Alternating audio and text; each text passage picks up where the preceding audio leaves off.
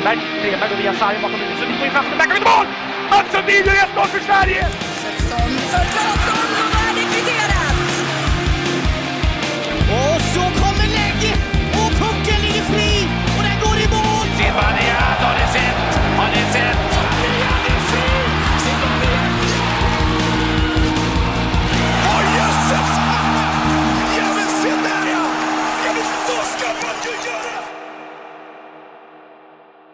Vi säger välkomna till det 112 avsnittet av podcasten Sarg ut. Eh, lite unik setup. Här sitter vi, inte i något eh, trist Zoom-möte över skärmar utan eh, lite påskbakfulla i, i din soffa Marcus med varsin mikrofon. Ja, min soffa ska Du ser inte mest heller- bakfull ut Marcus, återigen. Ibland blir det så. Trots Ja. att du inte har barn. Men det, jag har den utstrålningen liksom. Ja. Eh, jag har utlovat att jag ska försöka ta ner Moras uttag i den här podden. Tänker att jag vill spara det. Jag ser, ser mig själv som huvudnumret i den här podcasten. Eh, men i och med att vi har dig med till att börja med. Kul. Tja. Hej. Hur är läget? 2-2 matcher. Ja, Känslan? Det, känslan är att det hade kunnat vara riktigt jobbigt idag. Mm. Ehm, men um, ja, det är skönt att vi eh, lyckas eh, knyta ihop det till slut. Mm. Ehm, och ja, det är ju, ja, betyder ju allt, segern igår. Um, torsk där och då har jag svårt att se om man eh, åker upp till, till Umeå och vinner där eh, för att ta tillbaka det till Hovet. Det, det tror jag nog inte man hade gjort. Nej. Eh, så jävligt skönt. Ehm, verkligen. Och, ja, både så här bitter och, och, och en god eftersmak ändå i, efter, efter matchen med, med de båda domarna som, som, eh, som eh, kom här i, i dag på förmiddagen Mm. eh, med, med Vejdemo och Hutchings. Ehm, det är klart att tappa Vejdemo är ju inte Superkul, han har sett bra ut. Eh, två matcher, eh, kan eventuellt vara tillbaka till en sjunde avgörande som jag tror att det blir. Jag tror nog, vi var inne på det lite innan nu, att, att eh, tappa Hutchings i två matcher är nog eh, mycket jobbigare för Björklöven än att tappa Vejdemo i två matcher eh, för Djurgården. Så att, ja, summa summarum, eh, skönt att Weigel fick en jävla smäll liksom, Mm. efter den här matchen. Eh, Det blir också Vejdemo som ger tillbaka. Vi kanske Ja. ska gå in lite på det. Att, Eh, Ja. Om vi nu stannar vid de här avstängningarna. Eh, jag vill ju ändå på något sätt att vi ska försöka jämföra lite här. Fredrik Weigels brutala slashing på Lukas Vejdemo, Lukas Vejdemos spearing på Fredrik Weigel. Är det här verkligen två situationer som enligt er ska ge olika strafflängd? Eh, det kan jag känna att jag absolut inte tycker, utan att det här är två ganska fula grejer som eventuellt borde ge längre avstängningar, men åtminstone ge samma avstängning. Eller? Ja, jag kan ju tycka det. Ja. Ehm, det är ju, ja. Jag, jag vet inte hur, ska, hur man ska förklara det. är ändå en, eh, alltså spearing har ju blivit, eller är ju en ganska så här. ehm, själva, själva spearingen, alla tycker att det är så fult med spearing. Det är väl Alltså en, på- av de, en av de företeelserna i ishockey som aldrig har varit okej. Fattar du vad jag menar? Nej, alltså nej, nej. på 70-talet om någon gjorde en stenhård huvudtackling så kunde folk ändå tycka att ah, men det Mm. var en bra tackling. Men att spearing har alltid varit liksom Ja. topp ett, det sämsta man kan Ja, ja. göra. Typ. Ja. Så att eh, därav säkert så, så blir straffen olika. Mm. Eh, sen så det, är, det är klart den är ful. Eh, det, och det är totalt hjärnsläpp ändå med, med så lite kvar av matchen. Mm. Eh, om man leder med 5-4 och man får ett PP med mindre än 5 minuter kvar eh, som ska hålla sig i 7 minuter. Ja. Eh, ja det är ju bara hjärndött av, av Vejdemo. Mm. Alltså det, hade det blivit 5-5 snabbt, det skrev jag igår i gruppchatten, hade det blivit 5-5 snabbt, då hade Björklöven avgjort det där efter full tid, eller efter ordinarie. Jo men alltså säg att Eh, Björklöven gör mål på det Ja. första tvåan. Då Ja. har de sen fem minuters PP att avgöra matchen på, även om det blir förlängning. Men de Ja. har ju fem minuter PP att ligga och vara trygga med. Men Så att, nej. ehm, Ja. Skönt. Weigel åker på en smäll. Skönt att vi lyckas knyta ihop säcken och verkligen står emot sista fem minuterna för det, det, det är jävligt strong tycker jag ändå. Ja, ni står väl Eh, emot jättebra, ja, tycker jag, de och, fem och minuterna också. Björklöven är inte så jävla vassa som de har varit hittills, Nej. och speciellt i PP liksom. Eh, de har ju extrem jävla spets, eh, men, men lyckas inte och vi offrar oss otroligt hårt. Hammarlund som täcker sista skottet. Ja, Det, nej, Mm. riktigt skönt och äntligen kunna vinna också inför ett fullsatt Hovet. Mm. Mm. Och sen, alltså så här, jag som är, jag som bara sitter och njuter, eller du och jag, Ja, är ja. liksom bara, Mm. vi sitter ju bara och Alltså jag bränner ju typ kalorier av att bara titta på den här matchserien. Ja. För att alltså, det, det går inte att titta bort från, och det måste vi väl hylla den här serien Mm. för. Alltså jag, jag kollade ju även på Frölunda-Växjö eh, som gick tidigare på dagen. Mm. Alltså jag, jag kände inte någonstans i närheten av samma liksom Alltså det, det är någonting som bara händer hela tiden i den Ja, nej, matchserien. men, alltså, jag, jag får lite feelingen, alltså, alltså, om man ser till den här säsongen, om man tar en matchserie ur varje, alltså om vi tar Frö, Färjestad-Frölunda och sen den här matchen Djurgården-Björklöven. Jag tror det, det, kom, alltså, de kommer, det kommer matchserier som man ser tillbaks på under en lång tid som alltså, helt absurt sjuka matchserier med en otroligt hög underhållningsnivå i. Alltså, jag, jag säger som du Marcus, jag sitter ju bara och blir underhållen. Liksom. Det är det Mm. man blir av den här matchserien. Mm. Så att, Mm. Ja men då, det är väl, alltså ja det är ju hela grejen liksom med, med underhållning, men också som, som jag som inte är neutral, eh, man får ju liksom den här känslan, det har jag ju skrivit till också liksom, man har ju fått ett jävla hat mot, mot hela Björklöven Mm. liksom. Och det trodde jag, alltså, det trodde jag nog kanske inte att det skulle få, eh, som, som det har blivit nu. Det är, alltså det är extremt, det är liksom, ja men det är ju Weigel och, och ja men Pooley och, och, och sen som som Kent ute och svingar och Stråle Ja. håller på, alltså det är så här, man blir ju, man blir ju taggad Nej, som men, fan. när till och med sportcheferna är ute. Kent Ja. är ute först. Nu var ju Stoppel ute idag Ja. också och sågas. Alltså Ja. till och med sportcheferna går ju ut och liksom Ja, sågas. det-. Ja. Ja. det är en fruktansvärd matchserie och det blir ju spännande. Eh, det blir ju riktigt spännande att se om det här kommer leda till att Modo får en jävla räkmacka i finalen Mm. eller om det liksom är så här att ja, men man bara är inne i det, Mm. De, den, det laget som går vidare. Eh, och Modo kommer få det jävligt tufft. Jag, jag tror ju mer att det handlar om att så här, kan vi komma upp i den typen av så här, och inte landa in i det där att vi tappar huvudet sen i den Nej. matchserien. Mm. Alltså där tror jag. Ja, det gäller ju att ni kommer upp i den intensiteten Ja. eh, så, som har varit nu under, under vår matchserie. Att, att ni verkligen kommer upp i den nivån och som du säger, inte tappar huvudet. För det är ju det är jävligt enkelt att, att man gör det när man inte har varit van vid det. För du, alltså det är otroligt skilda matcher, liksom Modo-Mora och Djurgården-Björklöven. Mm. Eh, i, alltså, I allt. Ehm, och, och bara kunna switcha om till match 1 uh, uppe, i, uppe i Övik, ja, det är nog inte enkelt. Nej, men precis. Ehm, Nej. Och, och det, jag tänker också det som blir Modos nyckel är ju också att nu verkligen titta på den här matchserien.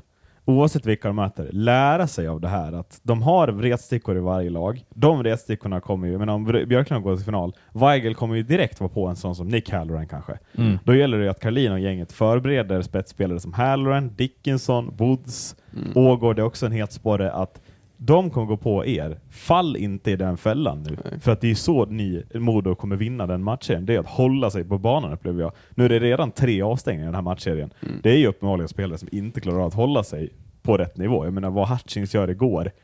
Han tänker ju bara att ja, men nu kör jag över den här målvakten. Det är ju också så himla dumt att, diskvalificera sig själv från två superviktiga matcher den här säsongen genom att bara inte ens försöka bromsa i det läget och ta Nej. tvåan för målvaktsinterference utan att gå för att skada. Och det är, ju- det är väl lite det jag tycker med de här avstängningarna hittills också. Weigel, Hutchins, Vejdemo. Det är ju så uppenbar skaderisk. Mm. Mm. Alltså man, är, man kliver ju över en gräns att man går ju rakt av för att skada sin motståndare, vilket, som blir ju på en nivå som Mm. man väldigt sällan ser eh, av grisighet. Mm. Ja. Men sen vill jag också, jag vill hylla både Björklöven och Djurgården här på något vis Mm. också för att, alltså så här, visst om man ligger på den där gränsen och visst man kliver över den i vissa fall och man ligger liksom väldigt hårt och försöker liksom utmana hela tiden ödet men samtidigt, alltså hur imponerande är det inte att man, man, man trodde ju liksom igår när den bä- väl började gå över gränsen och tappa lite momentumet, att Mm. något av lagen kommer tappa resultatet. Men inget av laget tappar ju resultatet Nej. igår heller. Det är ju Djurgården som i slutändan ändå lyckas vinna för att man ändå håller sig inom rimlig gräns och Mm. kan fortfarande spela sitt spel trots att det sker alla Ja. de här sakerna.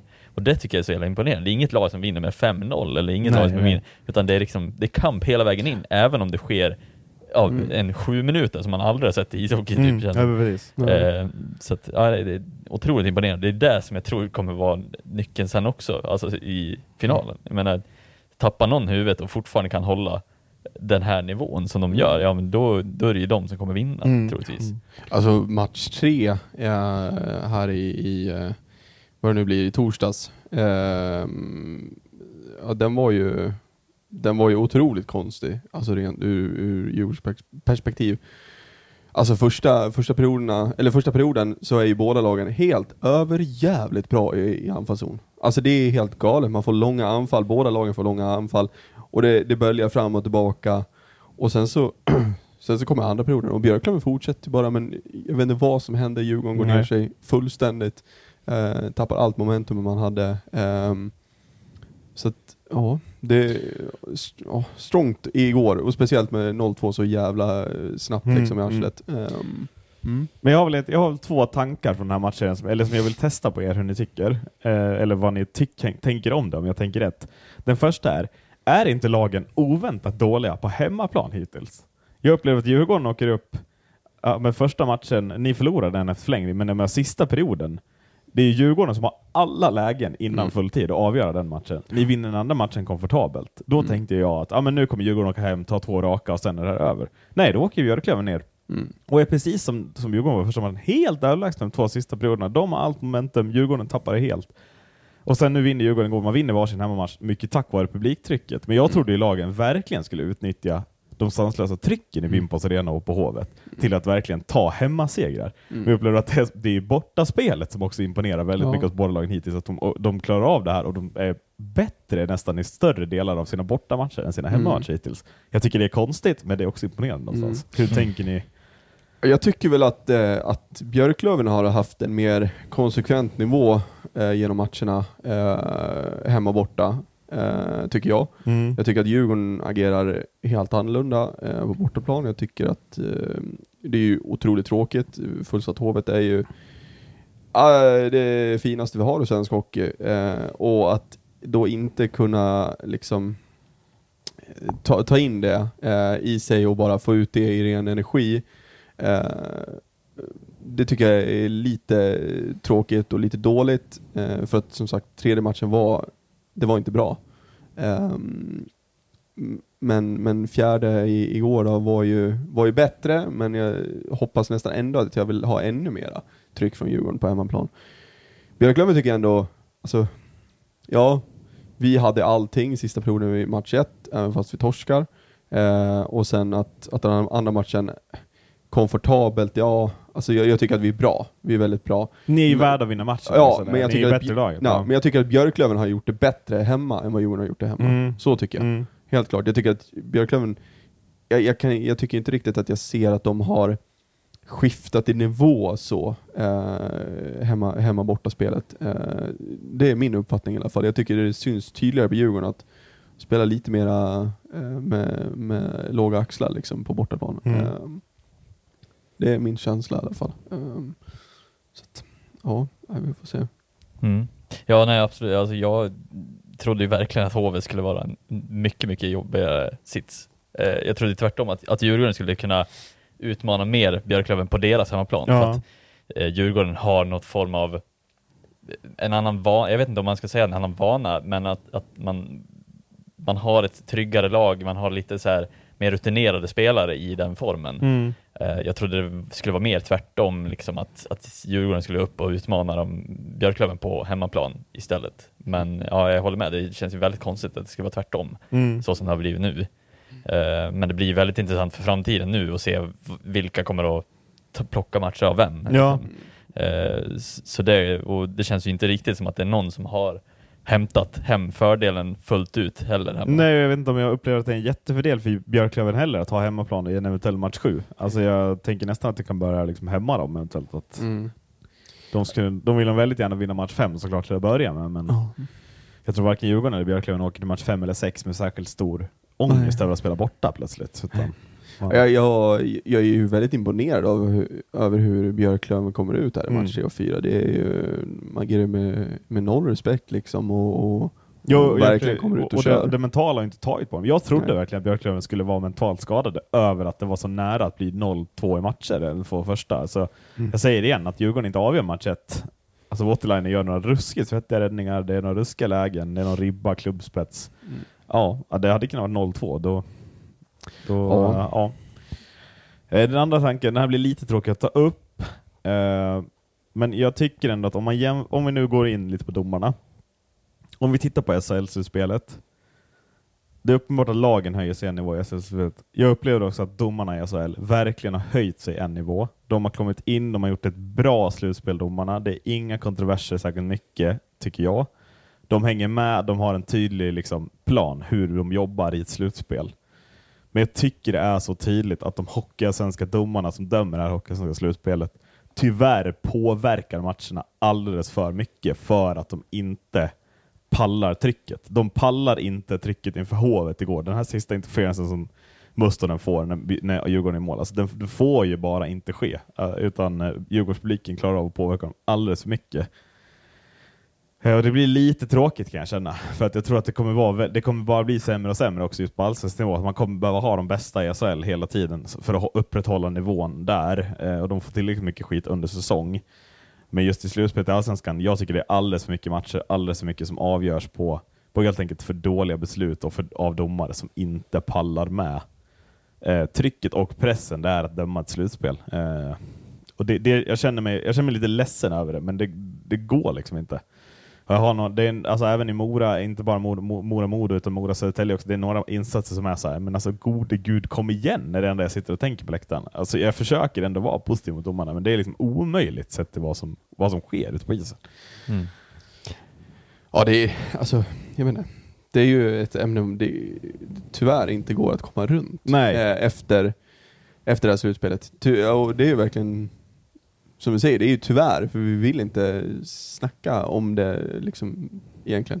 Eh, men, men det, jag håller med, det är, ehm, det är alldeles för, för många eh, konstiga eh, beslut som sker som, som har en avgörande effekt på matcherna. Ehm, och det tycker jag definitivt att man måste rannsaka sig själv efter säsongen och, Mm. och se vad fan vad är det vi kan göra bättre här? Um, vad, är det som, vad är det som går fel? Vad, är det som, vad, vad finns det för, för yttre påverkan på oss? Um, jag menar, det är klart att yttre påverkan är fullsatt hovet, fullsatt vind på oss. Mm. Uh, ja, det, är- det är ju tufft. Det är jättetufft. Absolut. Men ja, det är som du säger, sista utvisningen igår på Mustonen är ju, ja den är ju, den är ju riktigt dålig. Mm. Eh, sen, sen vet jag inte om vi ska, om, om man ska kanske hylla Brodin för det han gör, att han åker in, att han åker in framför och, och, och stänger av liksom benen helt. Ja, ja, det, Eh, ja men- alltså det, är inget, det är inget sånt. men, jag tycker eh, även Weigel, ja. alltså den första interferensen han får med sig innan Mm. han åker på speringen, det är Ja. ju också liksom så.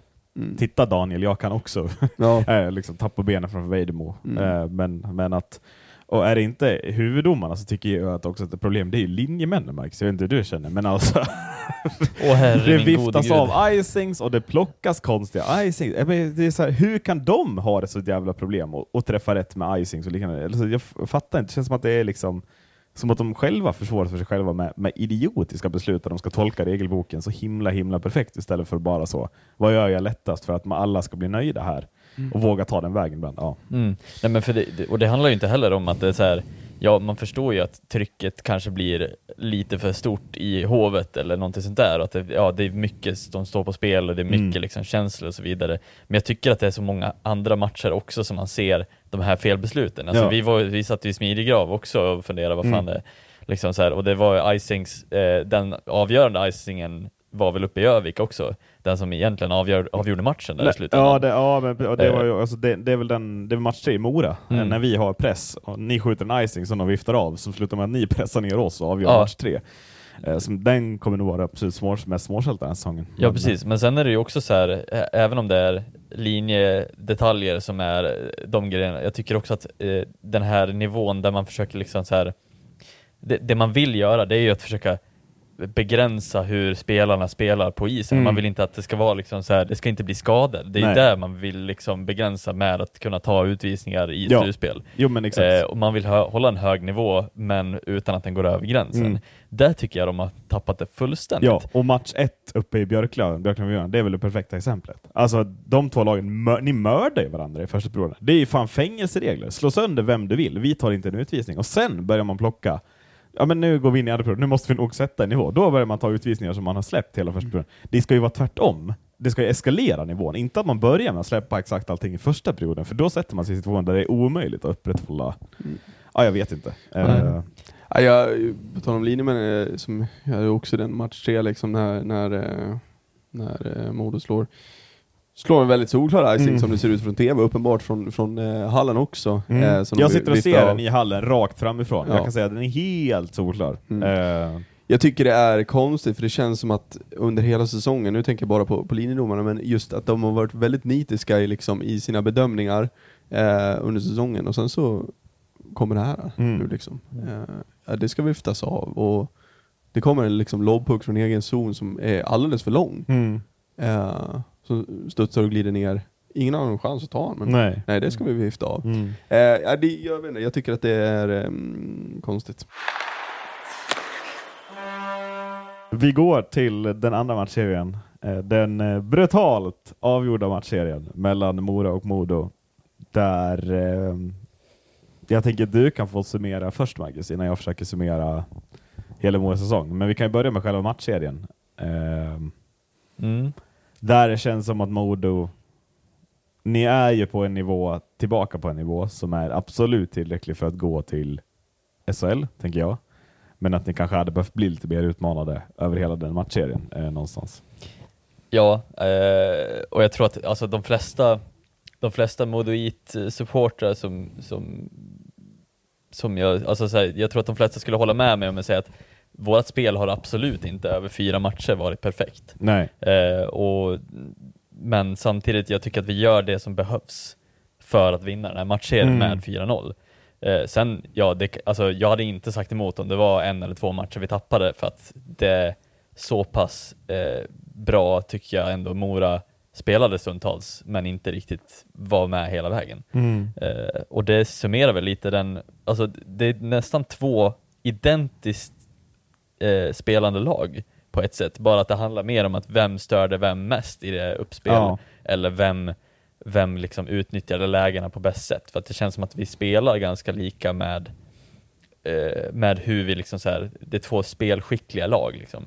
Eh, det jag saknade med den här matchserien, det var ju någon form av eh, det som Djurgården och Björklöven har. Exakt. Att det var nästan ingen form av så här, försöka komma under ytan på mentala spelet, det var nästan inga fula tacklingar eller inga liksom Nej. bråk efteråt, det var lite gruff framme vid målet men det kändes inte riktigt som att den kom upp i, i slut, slutspelskaraktär Nej men exakt. Eh, och, och där tror jag väl ändå att det vart en det var där det gick liksom, att vi fick en smooth sailing liksom Mm, genom mm. hela matchserien. För det var ingenting som störde varken Precis. Bernhard eller någon annan Precis.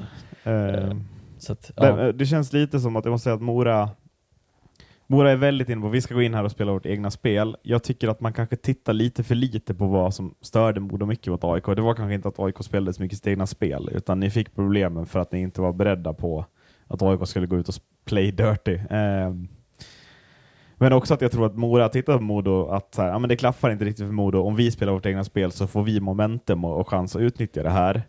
Men att när man efter, framförallt efter match ett ser att mm, Modo, de är där de ska vara nu. Första pressen som är så het sitter, spelet i anfallszon, passningsspelet som ni har varit så skickliga på. Alltså jag vet inte hur många gånger i den här matchen där, där jag har tänkt att så här, hur fan kommer ni ur den här situationen? Jag tycker vi har en bra press och ändå så spelar ni er ur på en meter. Bernhard slår en passning på en meter mellan två klubbor och helt plötsligt så är ni tre mot två, fyra mot tre. Alltså det, ni utnyttjar de där ytorna så bra. Och att Mora då under, liksom, alltså ända tills matchen är slut, hela tiden försöker spela sitt spel och spelar sig ur i sin zon.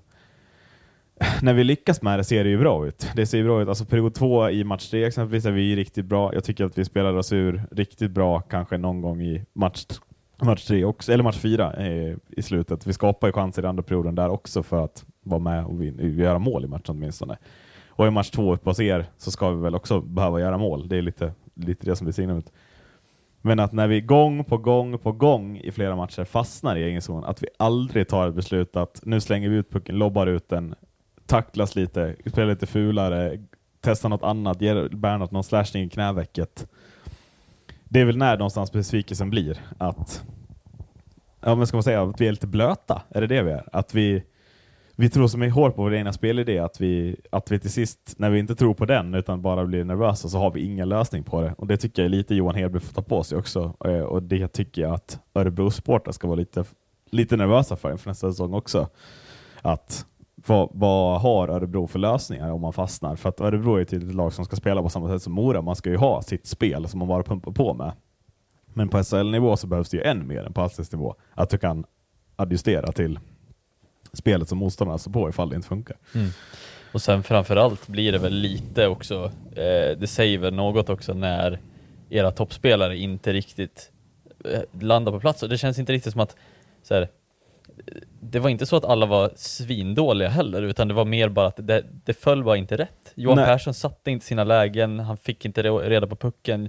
Han får Ljunggren- inte tillräckligt med lägen heller. Alltså, vad hur många heta lägen har Johan Persson mot Modo? Alltså, det är kanske fem heta lägen på fyra matcher. Han Mm. skulle ju behöva sätta sig i en 10-15 lägen, Mm.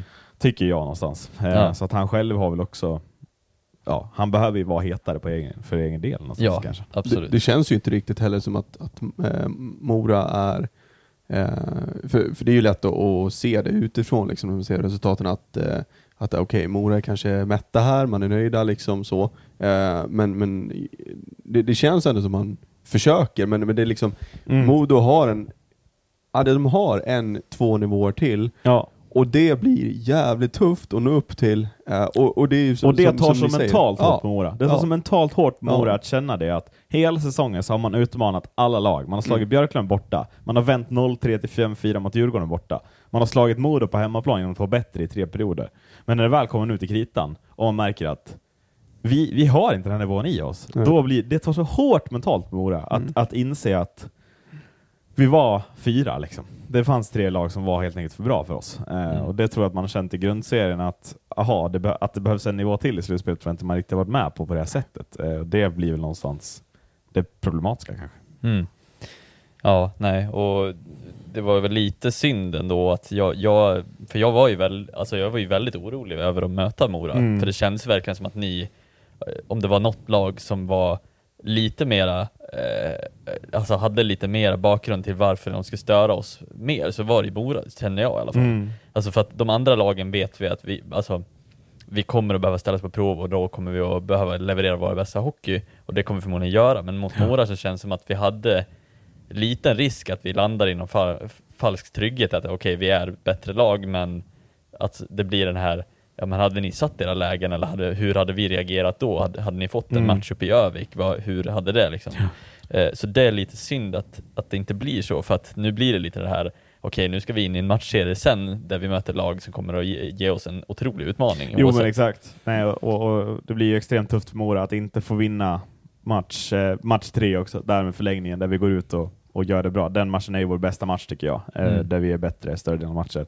Hade vi vunnit där, ja vi hade troligtvis sett en annan match på långfredagen, där Mora hade kommit ut med mer energi, med mer hopp, mer tro på att man hade kunnat lösa det, mer desperation. Här blir det ju lite att vi vänder nog inte 3-0 liksom, eh, i Mm. matcher. Eh, och när Modo då får de målen i första perioden, jag hade inte riktigt heller smält att Marcus Vela ska hoppa för att akta sig från pucken och få den på skridskon och studsar upp i krysset. Det är ju ett sånt mål som Mora helt enkelt inte får i den här matchserien. Eh, utan det är sådana mål som Modo gör. Mm. och då, de tar också för hårt mentalt på oss för att kunna vända det. Liksom. Ja, nej, men det är väl bara att titta på, alltså så här, alltså så många gånger som jag bara känt att vad, alltså, vilken form vi är i när allting som ser ut att gå fel går rätt. Ja. Alltså Bernhard, allt han gör ute på isen, Ja.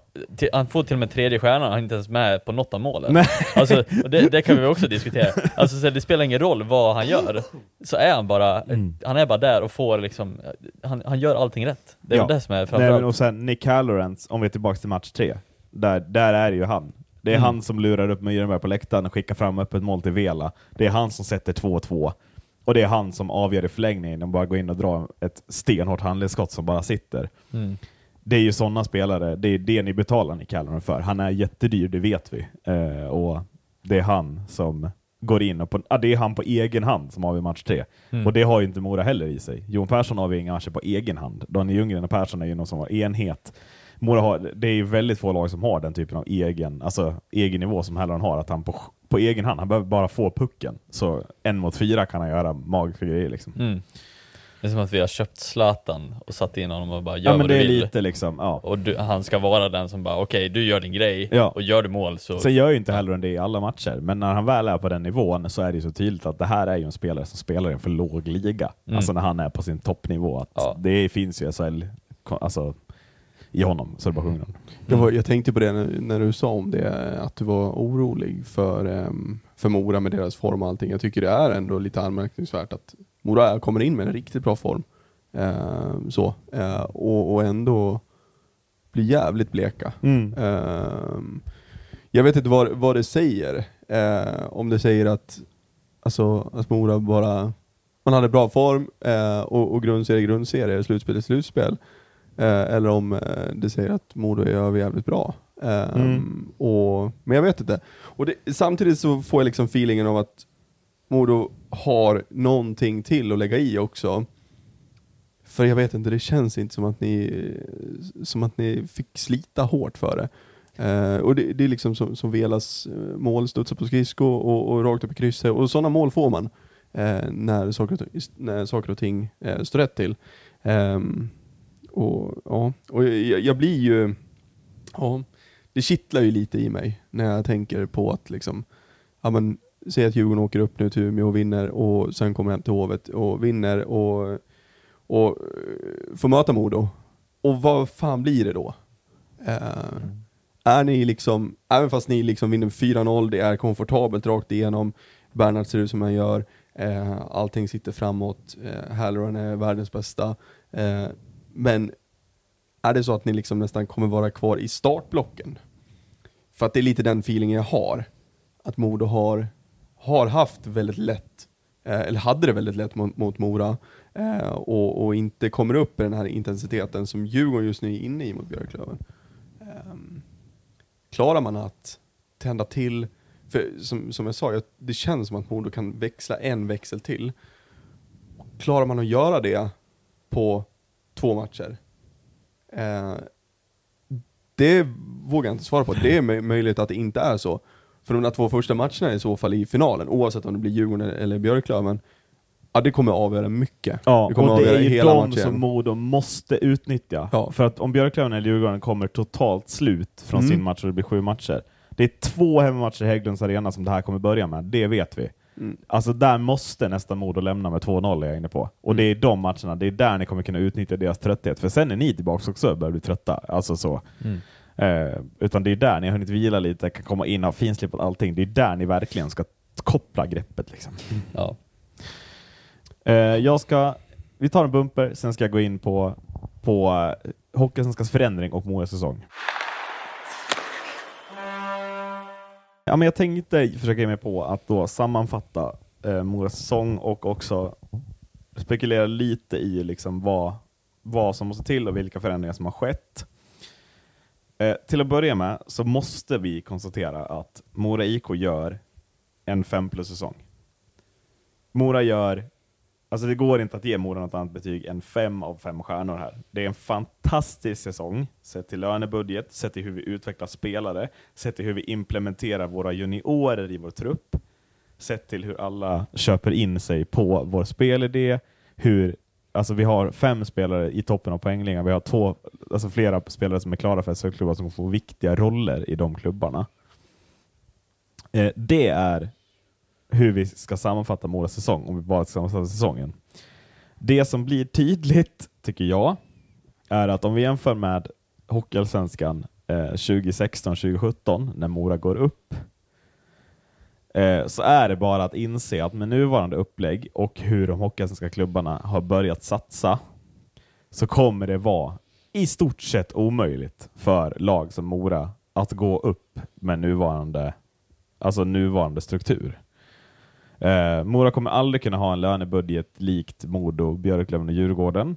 Det är de lagen som i år är tydliga topp tre. Mora blir ju i stort sett här vinnarna av Hockeyallsvenskan 2, eller vad man ska kalla lite som man pratar om i Premier League, om second Premier League. De som blir sjua bakom de sex topplagen. Eh, nästa säsong kommer två av lagen, Modo, Djurgården och Björklöven, vara kvar. Södertälje kommer att toksatsa. Vi vet att Widell är klar. Vi vet att det kommer in supervärvningar, Marcus Eriksson med mera. Eh, och vi vet att Brynäs finns där, med kanske en av SHLs största lönebudgetar som åkt ur, och som redan har förlängt med Anton Rödin, Simon Bertilsson och andra namn som är alldeles för bra för att spela i Hockeyallsvenskan. Det är helt enkelt alltså inte samma Hockeyallsvenska som tidigare, vilket betyder att det alltid kommer att vara tre, fyra lag som tack vare budgetarna helt kommer vara på en egen nivå i Hockeysvenskan. Eh, och då tänker jag på lag som Mora, Västerås, Bikaskoga, AIK. Nu pratas det om någon slags pengar in där också, men AIK ska ändå in där. Ska sådana lag kunna gå upp, då måste det till att vinnaren från grundserien börjar ta sig upp här. För att det är i grundserien, om man gör en riktigt bra grundserie, alltså som Mora i år, om inte Modo har sin supergrundserie, då är vi, vadå, fem poäng ifrån att nå Björklöven i grundserien. Alltså om man gör en superbra grundserie, det är ju där man kan utmana lagen, för det är där det blir en serielunk och all, olika motivation om man tror på sitt spel. I slutspel behöver du en annan typ av ja, men nivå kanske. Men för mig blir det liksom. väldigt tydligt den här säsongen att om man som ett lag med en budget som Mora kanske har 12-13 miljoner så kommer det inte spela någon roll. Så länge vi har slutspelsstrukturen så kommer man inte kunna slå lagen med upp mot 30 miljoner i lönebudget över sju matcher.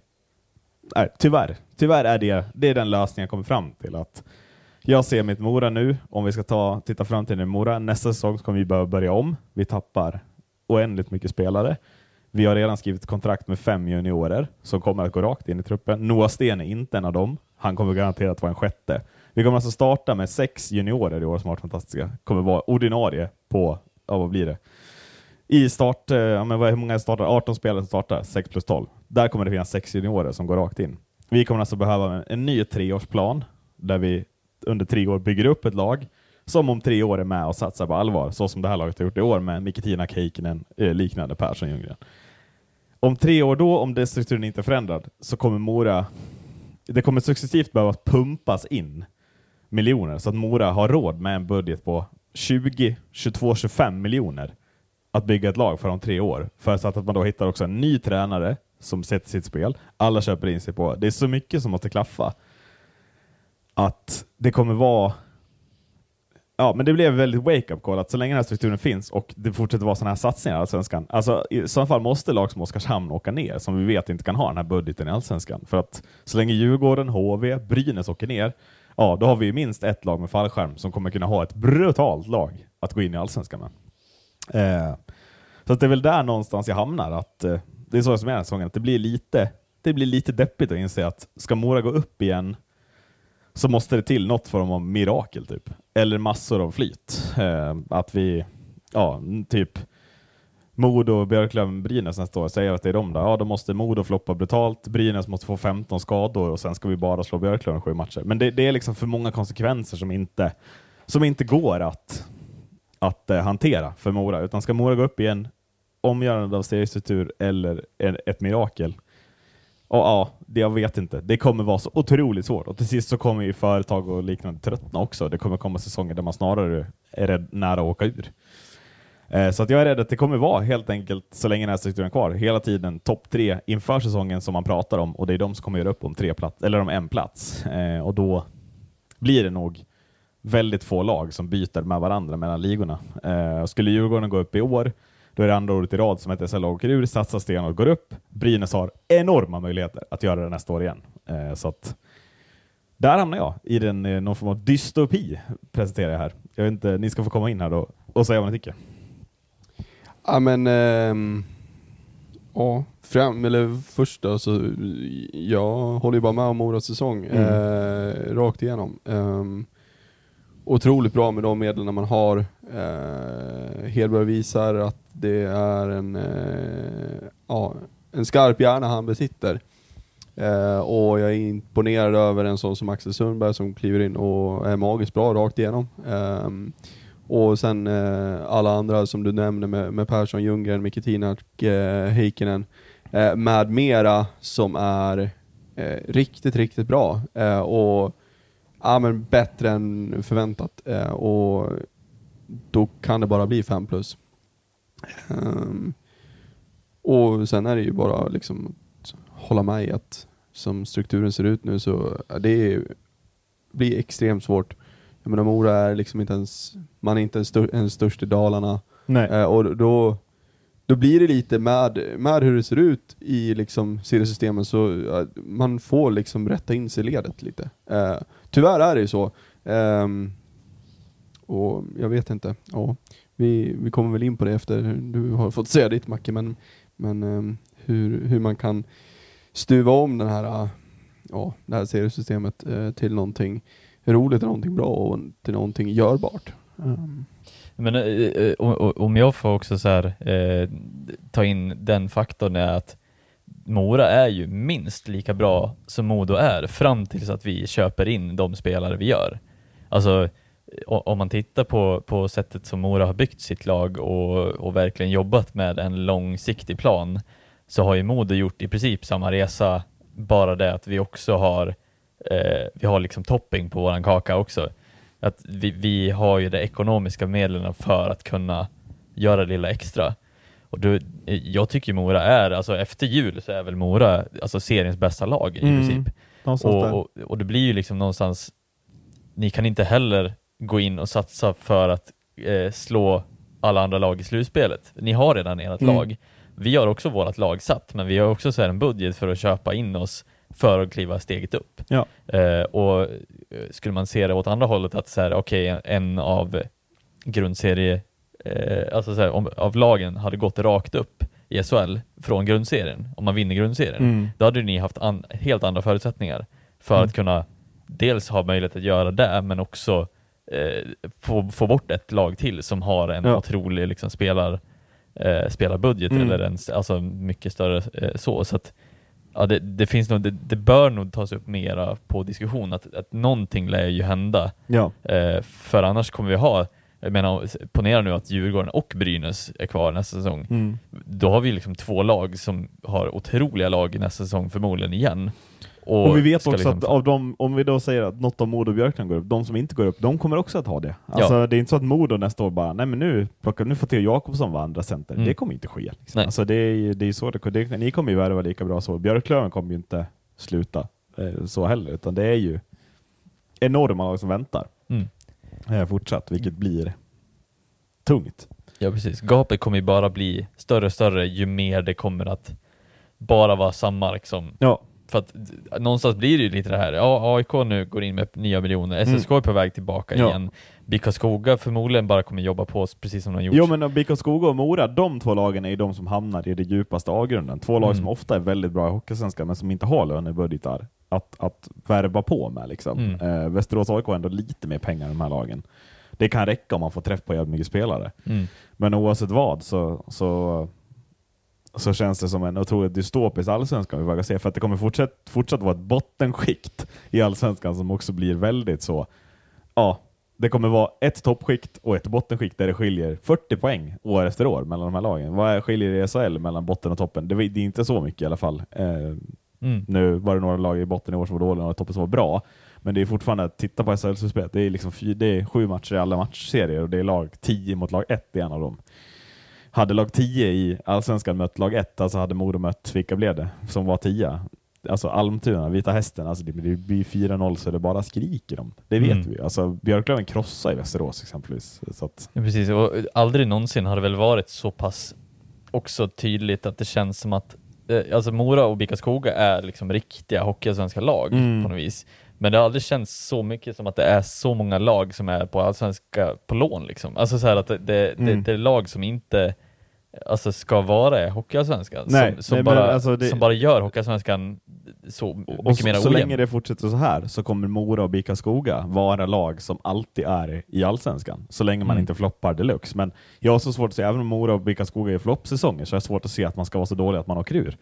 Sett till hur dåliga bottenlagen var i år. Alltså förlåt, men Västervik och Tingsryd och de här, så det var ju det var ju klasskillnad när Mora mötte dem, när BIK Skoga mötte dem. Och det är liksom, Mm. ja, jag har så svårt att se, då, då, så det är sju matcher där också. Ska Mora då förlora snabbare än, nej, jag tror liksom inte det. Eh, utan det kommer vara rejäla bottenlag som åker ur också. Och komma från ettan kommer inte vara lättare heller att Nej. stanna kvar. Liksom. Nej. Eh, men jag tänker också, det här med att, eh, hur ser ni på det? Vi måste prata lite om det. Det har kommit upp väldigt mycket i Mora Facebookgrupper, det här med att eh, spelare lämnar under säsongen, eller att det är klart med andra klubbar. Alltså i Mora, dels måste ju Mora fatta sin plats i hierarkin, att en sån som Johannes Johannesen, får han ett SHL-lag efter sig, ja, det- det kommer ju vara helt omöjligt för Mora, även om vi skulle gå upp, att behålla en sån spelare. Utan det är ju bäst, de som vill ha honom tar ju honom, för Mora kommer aldrig kunna matcha. Liksom. Men tycker ni att det är så himla illa att det blir klart under säsong? Att, att Hedberg är klar för Örebro, det har vi vetat hur länge som helst nu exempelvis. Eller är det bara att inse att så här ser hierarkin ut, det kommer att få vara, det kommer att vara så här, eller?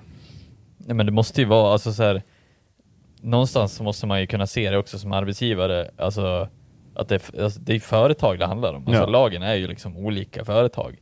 Eh, och någonstans måste man ju också se, alltså blicka framåt och det gör alla lag. Alla lag måste ju försöka sätta någon form av, okej vad har vi för plan nästa säsong? Vad finns på marknaden inför nästa säsong?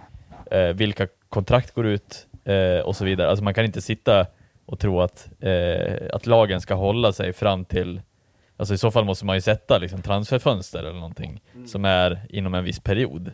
Det är väl det som är, eh, blir det kruxet liksom. Att man, man kan inte bara man kan inte bara sitta och rulla tummarna fram till sista liksom eh, när slutspelet är slut liksom. För då ligger man efter redan. Nej, men vi, och, och jag kan också tänka så här, om det nu skulle vara så himla viktigt att ingenting presenteras under säsong, hade det varit så jävla mycket bättre att Mora nu hade avslutat säsongen och sen idag på påskdagen så har alla klubbar redan kommit säga att jag kommer lämna, jag kommer lämna, eller vi kommer ta den här, vi kommer ta den här. Vad är, vad är skönast? Att, att man vet att de här lämnar efter säsongen eller att det kommer som en smäll, pang, tio spelare lämnar liksom. Mm. Ja, jag tycker kanske att det är bättre att vi vet att, man, att Mora kan ju börja jobba med spelare som man vill värva också inför nästa säsong tidigare, för man vet att den här spelaren kommer vi behöva ersätta, eh, kan jag känna, eh, ur min syn. Precis. Eh, ja, jag, jag tycker också att så länge det inte är något på, på liksom så här eh, på något onda liksom så här, okej nej, det, han, han, vill in, han vill inte vara kvar eller han, Mm. han uttrycker liksom att han inte, alltså så länge det är på liksom god ton ut så är det ju absolut. Nej, men och det är ju inte så att Mora-spelarna är klara för all, andra allsvenska klubbar, det hade jag kanske reagerat mer på. Att så här, Mm. Anton Heikkinen, han är klar för eh, Södertälje nästa säsong. ja. Det hade ju varit lite oskärmigare, att så här, jaha, du byter klubb i dem. Så. Men det är ju inga konkurrenter de är klara för. Vi måste ju inse det att de är ju klara för någon annan i hierarkin, någon högre upp som vi inte konkurrerar med om någonting eh, i stort Mm. sett. Ja, det är, ja, jag vet inte, det är både och tycker jag. jag. Det är väl klart att alla måste inse att det är, eh, dels som du sa Macke, att det är liksom företag vi, vi egentligen har att göra med. Eh, men sen också att det är professionella ishockeyspelare eh, och en professionell ishockeyspelare som eh, har lön, eh, gör allting eh, för sitt företag. Mm. Ehm, och, och i, i det här sammanhanget för sin klubb. Så att eh, om han hade, eh, om vi säger vi leker att eh, Brodin hade varit klar för, för eh, Örebro. Genève, okej. Ja, ja, ja Genève, ja jävlar. Ja för fan, de hatar jag. Ja. Eh, men eh, säg att han hade varit klar för Örebro liksom. Ja. Eh, vi vet ju att här, Brodin har ett, eh, nu vart det det kanske ett dåligt alternativ, men, men att Brodin, dels att han har sin historik med Djurgården, och sen Mm. också liksom att så här, men han gör allting för, för sitt lag liksom. Mm. Och det är som du sa, Genève. Han gjorde exakt samma jobb som han gör i Djurgården, Ja. han gjorde i Genève. Liksom. Ja, men, och, och jag tycker också att det man måste inse är att hur funkar det i vanliga samhället om nu hockeyn inte är det? Ja, om jag ska byta jobb, då måste jag säga upp mig på mitt nuvarande jobb. Och då säger jag upp mig, då får jag en uppsägningstid. Alltså så. För två månader sedan så var det klart att Anton Heikkinen, han kommer byta klubb till Skellefteå troligtvis. Jo, men om jag hade bytt jobb, jag hade fortfarande också så, om två månader börjar jag på mitt nya jobb. Men jag hade ju fortfarande varit kvar på mitt jobb i två månader. Jag hade ju inte, alltså så, hade jag bara skitit i allt då, då hade ju min, min nuvarande arbetsgivare berättat att du, han bara sket i allt när han bytte jobb. Det handlar ju om ett personligt varumärke också, det verkar folk helt fatta. Så här. Men om, om Anton Heikkinen bara skulle skita i att spela hockey och bara, ja men jag är ändå klar för Skellefteå. Det skulle ju inte Skellefteå tycka var attraktivt på något sätt. Utan de vill ju se en Heikkinen som fortsätter att prestera och fortsätter utvecklas i Mora mm. de här två månaderna. För att sedan fortsätta utveckla honom. Och det tycker jag helt förbi så att ingen verkar tänka på att de här spelarna har egna personliga varumärken. Alltså de, de måste ju fortsätta prestera och visa att jag brinner för ishockeyn, jag brinner för mitt spel, jag vill utvecklas. Annars är de inte intressanta för någon som är bättre. Utan då är det ju bara de som är sämre som plockar upp sådana spelare. Eh, lite SHL då efter 50 minuter Hockeyallsvenskt snack. Eh, SHL-fansen får ursäkta, Hockeysvenskan är intressantare. Hetare. Eh, ska vi börja med faktumet att Joel Lundqvist riskerar att eh, se sitt Frölunda åka ut eh, från läktaren som sin sista match någonsin. Eh, och att det vore enligt mig tokmörkt, men det är väl någonstans det faktumet vi har också här att Mm. vinner Frölunda två raka matcher mot Växjö i det här läget av säsongen, verkligen. Jag betvivlar det faktumet, Mm. måste jag säga. Ja, ja, ja, ja. Jag tycker man ser... Eh, Så faktiskt, jag tycker man ser väldigt bra ut igår. Ja. Eh, tycker jag. Eh, men ehm, sen är det ju också Växjö på andra sidan. Det, är, ju- Mm. det är ju det, vi får liksom, det man får landa i. Liksom. Växjö med två Ehm, matchbollar i ett ja. slutspel brukar ju innebära Mm. Eh, fest i, eh, i, i vida arena. Ja. Mm.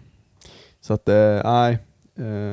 Det är klart att det är otroligt, som du säger, det är ju mörkt. Det är ju liksom ja, en av svensk hockeys allra största. Um, och få se den eh, karriären liksom avslutas med, med ett eh, ja, fult matchstraff och, och tre matchers avstängning. Ja, det är klart att det, är- det är inte vad någon hade önskat. Nej.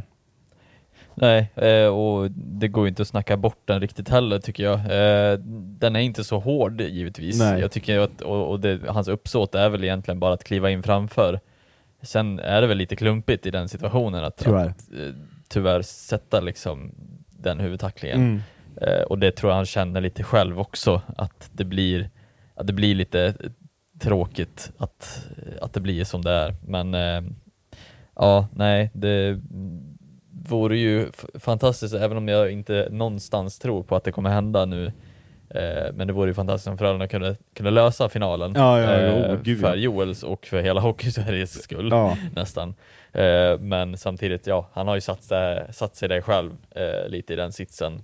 Eh, så att ja, ja, nej, det, det är tråkigt, absolut. Mm. Men eh, samtidigt, jag tycker att den är, det är helt rätt. Det, det liksom, Ja, skaderisken det- är alldeles för stor. Alltså ja, jag, det är som du säger, jag tycker, du, som du sa, att du, den var inte nödvändigtvis hård, alltså så. Eh, Jag tycker inte att det är någon överdriven eh, fart han kommer in med, Eh, Mm. det blir ju helt fel, den, är, den är solklar. Tar bara huvudet eh, så. Eh, Jag, jag tycker dock att den är inte tre matcher ful. Nej. Eh, Det är det jag landar i, Mm. och det är det jag tycker är, blir lite tråkigt. Mm. Eh, Men den är väl eventuellt två matcher ful? Liksom. Ja, och om det spelar någon större roll, nej det vet jag fan. det är men, ju fortfarande... men, ja. ja. Just Men, risken ehm, att, eh, ja, i och med att Växjö vinner igår också, de vänder det där till 3-2. Mm. Ja, det riskerar ju onekligen, onekligen här att Växjö ändå till slut löser den här matchen. Det kan ju bli, Frölunda vinner kanske på en plan, det kanske blir 4-3.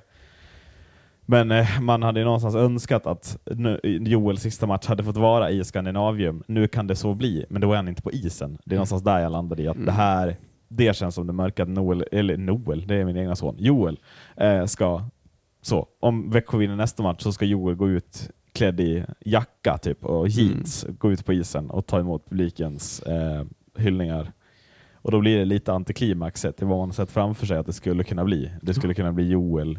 Jag ser framför mig återigen då 80 R-varv. Eh, Publiken 12 000 står kvar. Växjö har lämnat isen som segrare men ingen i Frölunda bryr sig egentligen för att det här var stunden de ville åt hela tiden någonstans. Ja, det är tråkigt. Mm. Eh, men ehm, mm. ja, det är mycket hockey kvar. Det är det. Växjö i förarsätet konstaterar vi, det är inte avgjort. Mm, eh, vilka är då i förarsätet i den andra Ja, matchen för- egentligen? Där Skellefteå nu har hämtat in eh, Ja. 2-0 till 2-2. Eh, men det fortsätter ju att vara ett Örebro som utmanar Skellefteå till fullo och är med i matcherna. Eh, jag, jag, vågar, jag vågar inte säga att Skellefteå nu på något sätt är i förarsätet där. Det känns otroligt 50-50. Mm. Ja, nej, det, och det är väl fortfarande upplagt lite för att det kan bli Växjö, Skellefteå som vi sa, att, Ja, att ja, det men skulle komma, det är kommer ju- kunna vara det. Eh, men eh, jag ser ju inte att det är så solklart som vi tänkte att det skulle vara när vi väl sa det för jättelänge sedan. Nej, Eh, framförallt, det- ja, och det tänkte vi väl redan efter kvartsfinalen, då både Växjö och Skellefteå väl hade större problem vad vi trodde, i alla fall vad jag trodde. Så att, Mm. Men det, ja, det, jag tycker det är kul att det har blivit lite jämnare än vad, Mm. det, vad det initialt verkade vara. Ehm, så att eh, på så sätt är det ju roligt för hockeyns skull att det faktiskt blir lite utmaning i, Mm, mm. i det hela. Ja, re- rent neutralt sett alltså så, eh, så hade det ju varit extremt kul om, om Örebro löser det där och sen tar det till en final. Jo För men där- måste man inte säga att SHL är på en väldigt, väldigt bra plats som liga, sett till Mm. hur bra alla lag är. Ja. Alltså, Och det är typ två lag om året som inte är med och utmanar, men Mm. det räcker att du kommer till play-in så har du för fan Ja. chans hela vägen, har ju alla visat det här året. Och att SHL eh, liksom har, låter det konstigt men att SHL har fått igång de här föreningarna som Mm. Rögle var ett traditionellt jojo-lag. Ja. Eh, Timrå var det. Timrå var det. Örebro var det. Örebro. Eh, Oskarshamn har blivit etablerade i serien. Ja, och Leksand Eh, också ju. ja. Hur ont den gör. Ja.